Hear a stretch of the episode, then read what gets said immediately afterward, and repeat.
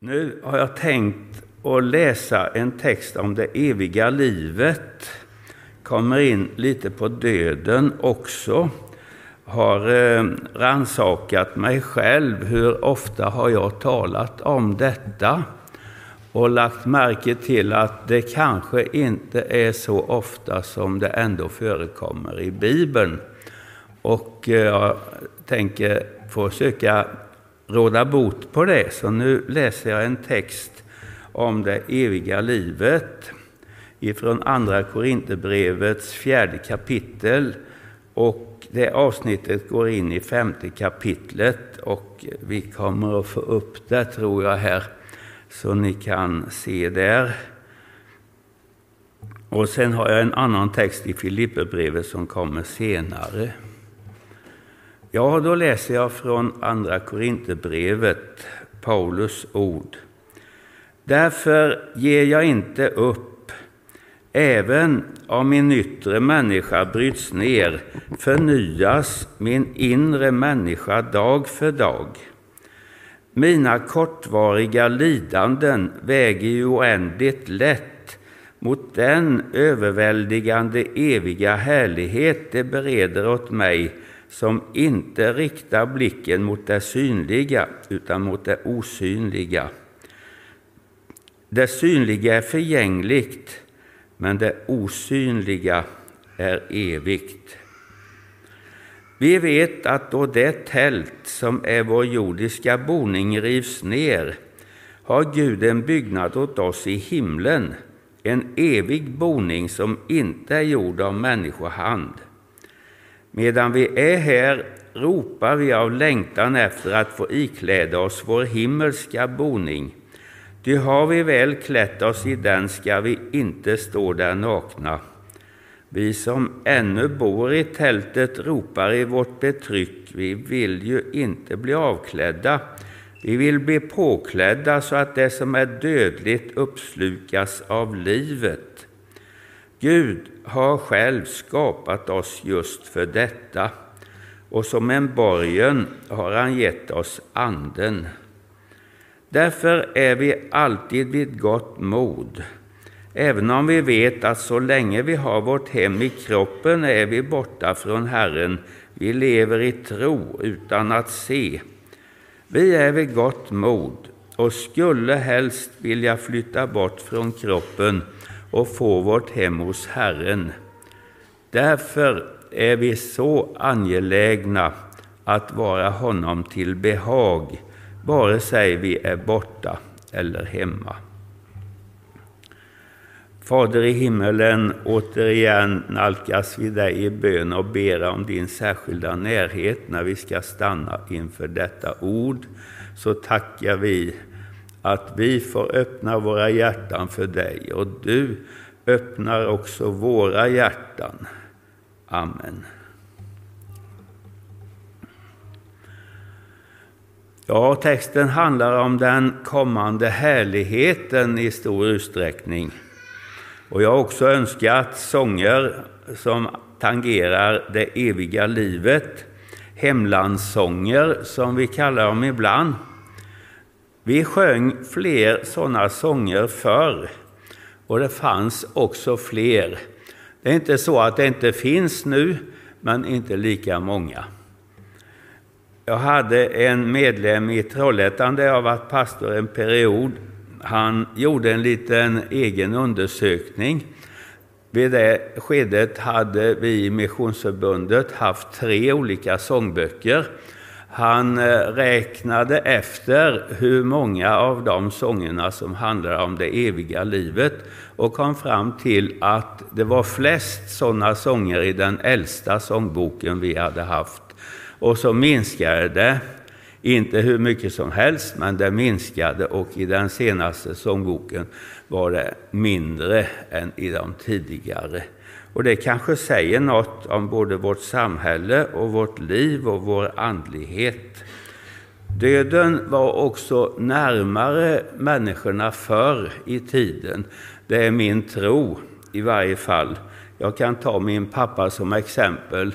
De var tio syskon och det var inte så ovanligt när han var född 1901 Då var det stora barnkullar. Fyra av hans syskon blev aldrig 20 år. Som ett exempel, det var tbc och det var lunginflammation och sjukdomar som man inte kunde eh, ha bot för. Utan eh, på det sättet var ju döden närmare i hemmen och i familjerna och i samhället än nu. Och då hade vi hem landsångerna. Det gav tröst och det gav hopp och faktiskt gav dem också glädje. Vår fina och goda sjukvård har ju pressat döden längre upp i åldrarna och också flyttat den till vårdhem och ibland sjukhus. Ändå är ju döden närvarande också i vår tid. Vi har haft pandemin där vi dagligen fick höra statistik hur många som hade avlidit just genom pandemin. Så då blev vi påminda. Vi har kriget i Ukraina som är fruktansvärt och som skördar många liv, både soldater och även väldigt många civila. Och så har vi skjutningarna som har ökat. Och vi har en eh, man som heter Sebastian Staxet. Han har gett ansikte åt alla de här skjutningarna. Han är väl mellan 30 och 40 år nu ungefär. Han berättade i en bok, och den här siffran kan säkert ha ökat, men vid den tiden han skrev hade han, som ändå är så ung, fått följa med på 34 begravningar när det var bekanta som han kände som hade avlidit och de var i hans ålder.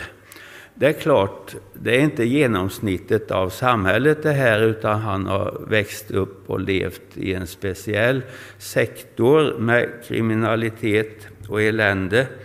Men eh, så är döden väldigt närvarande i de leden i varje fall. En liten del är väl skjutningar, en större del kan vara överdoser och självmord. Men där är döden närvarande mer än på andra håll. Sen har jag gått och lagt märke till en annan trend. Ja, det är jag som kallar det trend. Får väl kalla det vad ni vill. Men man hör oftare nu än vad jag har varit med om att det finns en önskan att det ska finnas ett liv efter detta. Och det kommer fram i profana och sekulariserade sammanhang. Jag såg en dödsannons där stod rätt och slätt Vi ses. Stod det. Och eh,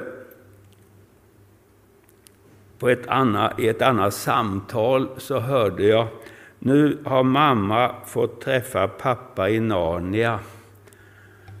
Det, det är ju lite blandade uppfattningar om hur ett liv efter detta kan se ut.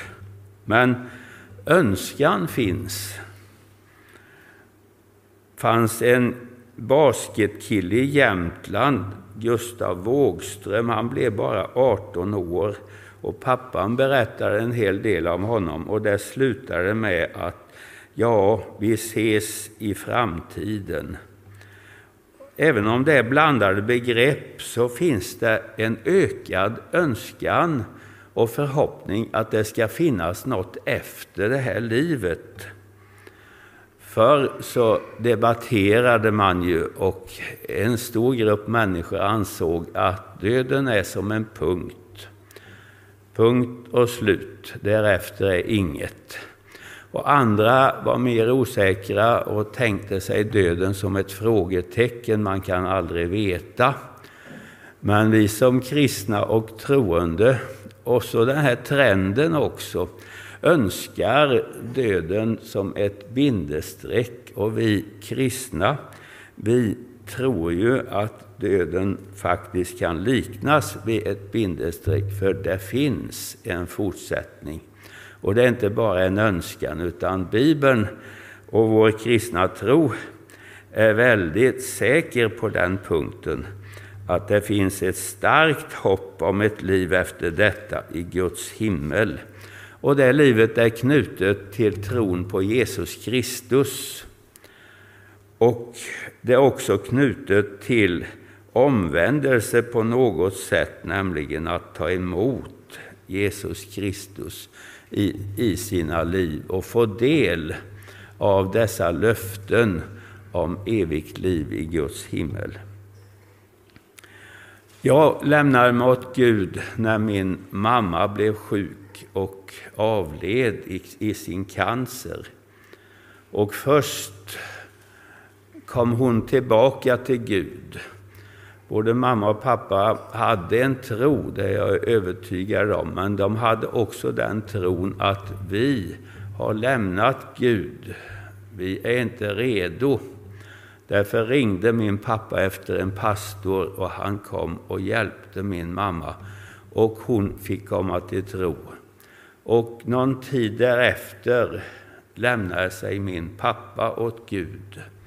Och någon tid därefter fick han leda mig till att ta emot Jesus i mitt liv. Och jag var 13 år. Så var det på 50-talet, i slutet på 50-talet, i varje fall för oss. I Bibeln ser vi att Jesus är dödens överman. Vi vet att han uppväckte tre stycken, som det står om evangelierna. Själv uppstod han på tredje dagen och visade sig för många. Och som Paulus säger, vid ett tillfälle visade han sig för över 500 personer av vilka några fortfarande är i livet, skrev han. Så var det på den tiden han skrev brevet i varje fall. Så det var ingen eh, tvekan om utan att Jesus hade uppstått. Och det är honom vi får överlämna oss till och ta emot i våra hjärtan. Och då följer med detta underbara löfte om det eviga livet i Guds himmel. Och det är lätt, vill jag påstå, att ta emot Jesus i sina liv. Även om man har hört talas om människor som kan ha haft en omvändelsekamp. Men ändå vill jag påstå, det är lätt för att det är den bön som Jesus gärna svarar på. Och han svarar ja. Jag trodde väldigt starkt på det som 13-åring och den tron skulle jag vilja ha mer av nu. För jag tänkte så fort man bara ber om frälsning så blir man frälst. Och jag tänkte, när ska jag be den bönen?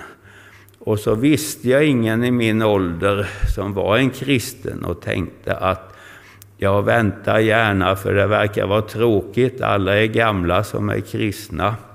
Jag väntar gärna tills jag blir äldre eller till och med gammal och spara den bönen. Men jag var helt övertygad om när man ber den bönen, då blir man frälst.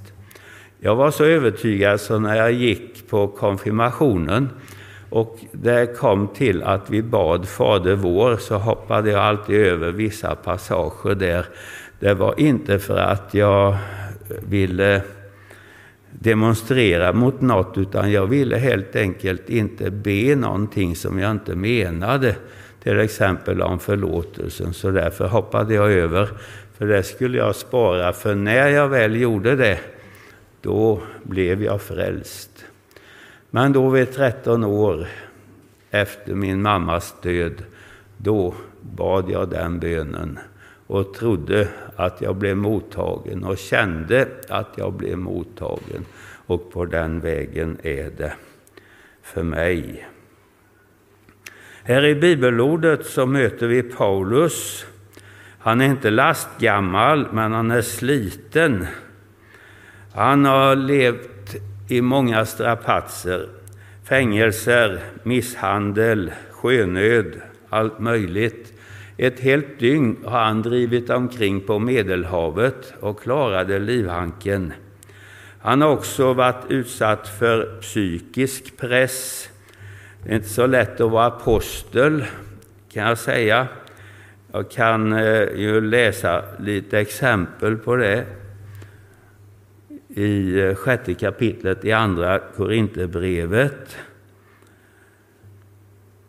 Som Guds tjänare visar jag på allt sätt vad jag duger till med stor uthållighet i påfrestningar, trångmål och nöd, under prygel, fångenskap och upplopp, under möda, vaka och svält, och med dåligt rykte och gott rykte. Jag kallas villolärare men säger sanningen. Jag är misskänd men ändå erkänd. Jag är nära döden men ändå lever jag. Tuktad men inte till döds. Här kommer en speciell avslutning. Lyssna noga nu. Plågad men alltid glad. Vad ger ni mig för det? Plågad men alltid glad. Att man kan få ha det på det sättet. Det var ju det som han skrev här i början på texten som jag läste. Även om min yttre människa bryts ner förnyas min inre människa dag efter dag. Hans kropp var som ett gammalt tält som vinden rycker i.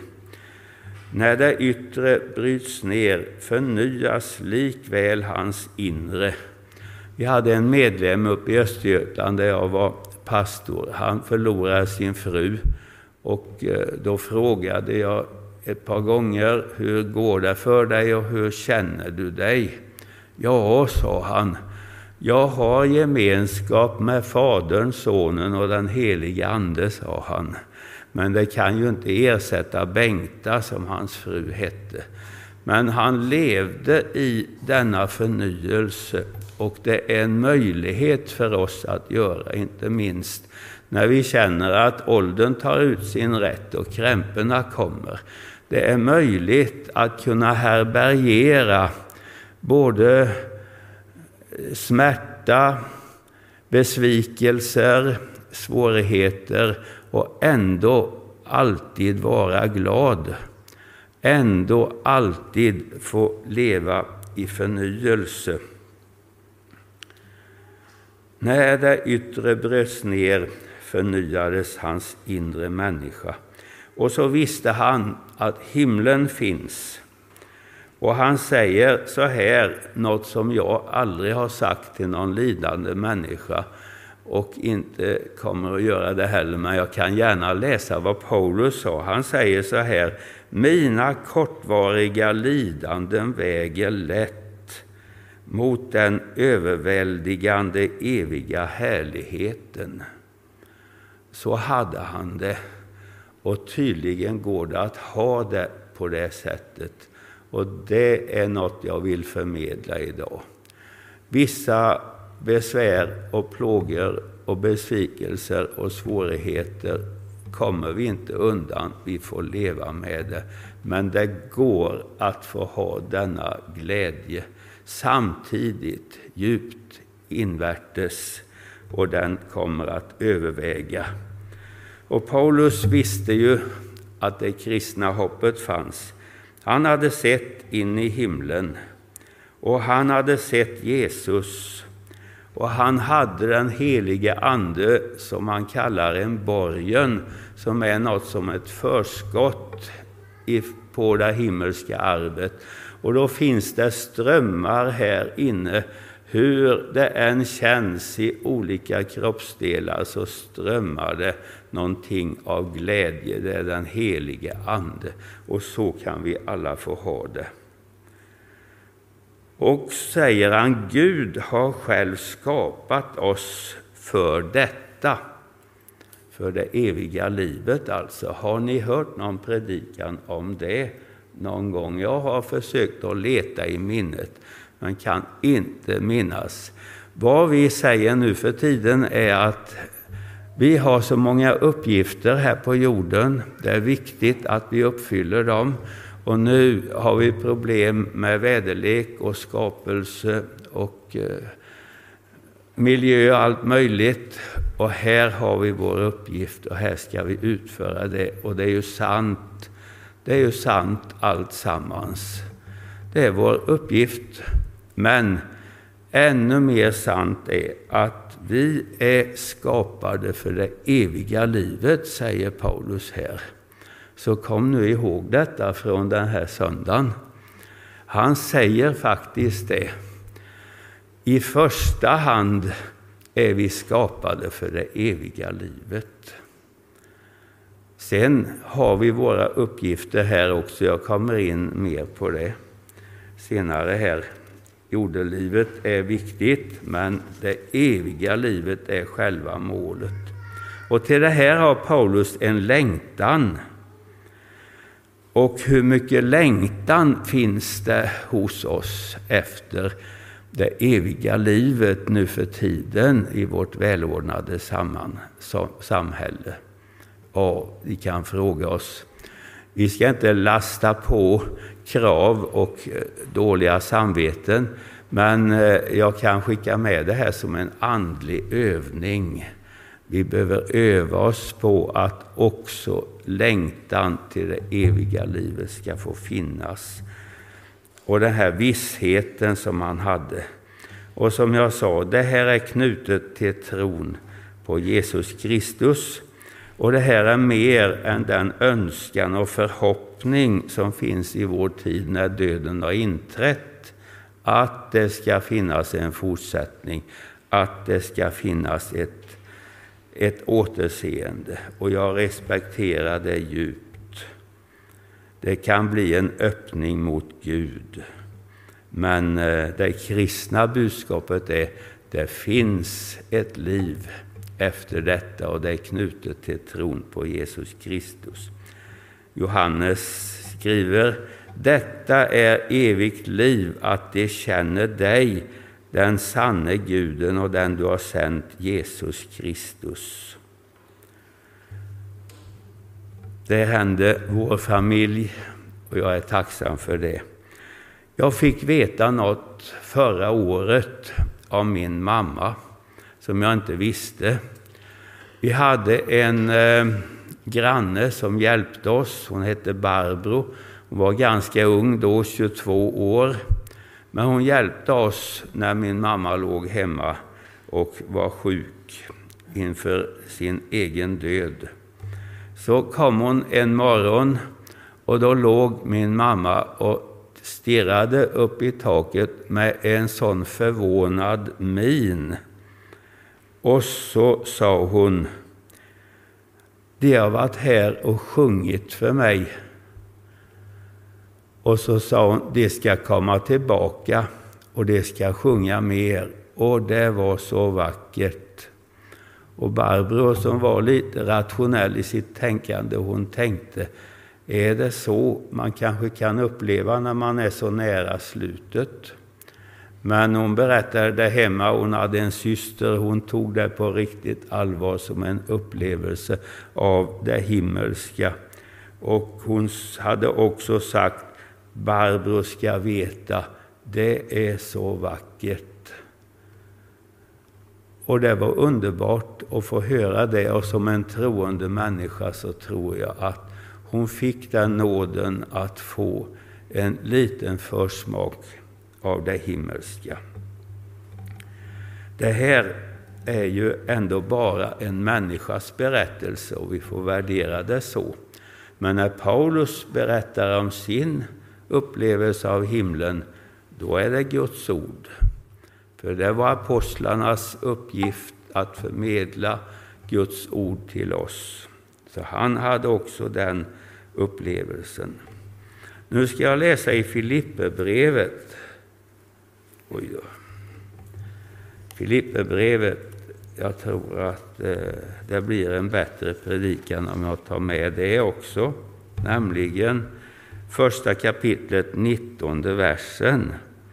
Martyrdöd eller fortsatt verksamhet, står det där. Jag vet ju att allt detta kommer att leda till min räddning tack vare era böner och den hjälp som Jesu Kristi ande ger. Jag väntar och hoppas att jag aldrig ska stå där med skam, utan att jag nu som alltid öppet ska våga lovprisa Kristus med min kropp, vare sig den ska leva eller dö. Ty för mig är livet Kristus och döden en vinning. Såvida inte fortsatt liv här på jorden ger mig en vinst genom mitt arbete, för då vet jag inte vad jag ska välja. Jag slits åt båda hållen. Jag längtar efter att bryta upp och vara hos Kristus. Det vore ju det allra bästa. Men för er skull är det viktigare att jag lever kvar här. Det är jag övertygad om. Och jag vet att jag kommer att bli kvar och stanna hos er för att hjälpa er alla till framsteg och glädje i tron. Och genom mig, genom att jag kommer till er igen, ska ni bli allt stoltare över att tillhöra Kristus. Här är Paulus i fängelse och med martyrdöden framför sig. Han försöker förbereda sig, för han vill kunna ära Jesus också med sin död, så att alla som är med och ser detta ska veta han dör för sin tro på Jesus Kristus. Och han talar om döden som en vinning och han talar återigen om den längtan han har. Det är det som vi ska ha som en andlig övning i vårt moderna samhälle. Så vi har en längtan så den dimensionen finns. Det hade Paulus. Och han säger att bryta upp och vara hos Kristus, det vore ju det bästa. Men här vänder situationen på ett märkligt sätt för honom. Och sakta så framträder det en annan vinst här i livet. Och det är att få tjäna Gud här på jorden. Och det är att också få leva färdigt. Och det är att ställas inför den frågan. Är det så att Gud håller på att ta hem mig? Eller har jag vissa saker kvar att göra? Och här dras han åt båda hållen. Församlingen behöver honom och det ber. Och Jesu ande, som det står om här, han verkar ställa sig på församlingens sida och tänker, jag ska svara på den där bönen, för det behöver Paulus. Och så blir det. Han förstår, jag är inte färdig längre. Det blir en resa till Filippi igen, och så blev det. Fängelseporten öppnas därför att församlingen ber och den helige Ande är med på denna idé. Och han ska fortsätta ett tag till. Ja, så kan det vara för oss. Jag ser ju bönämnen som människor lämnar in och har stor respekt för alla bönämnen. Och det är sjukdomar och det är svårigheter och det är åldrande människor och riktigt gamla ibland och de vill hela tiden få hjälp från sina krämpor. Jag har stor respekt för det. Ibland tänker jag dock att en gång vill i alla fall Herren ta hem oss. Och eh, hur formulerar man ett sådant böneämne? Och jag tänkte, jag ser inga sådana böneämnen. Inte något som man kan skönja något mycket i varje fall. Den dimensionen ska vi räkna med. Men här får vi också, och, jag skulle säga det, Paulus i andra Timoteusbrevet, då är han säker på nu har jag inte lång bit kvar. Jag har kämpat trons kamp. Och Petrus säger samma sak. Herren har kungjort för mig att snart hämtar han mig, men så länge jag är kvar här förmanar jag er, säger han i sitt andra brev. Så det, det var de säkra på. Men här står Paulus inför den tanken att jag kanske inte är färdig, jag har lite kvar att göra. Och det får vi vara öppna för. Då får vi be, Herre, förbarma dig över mig, hjälp mig så jag kan klara av att bli färdig med min uppgift. Så vi får både vara beredda på vår egen död och ha en längtan till det eviga samtidigt som vi ska veta att först ska vi ändå leva våra liv färdigt. Så nu när vi ber så har jag förslag på bönämne. Då ska vi be, käre Gud, att ni får förnyas till er inre människa dag efter dag. Och gärna i takt med att krämporna kanske ökar. Vi kan inte hålla emot det alla gånger. Men i takt med att de ökar så kan vi förnyas i vår inre människa. Det får vi be om. Och så vara öppna för, har vi något mer som Gud vill att vi ska göra? Ja, Herre, hjälp oss att få tjäna dig så länge vi är här. Och då är det möjligt att det blir bönesvar. Då är Anden med på det och Jesus hjälper. Ja, det var vad jag hade tänkt säga. Det är dags att avsluta. Tack och lov.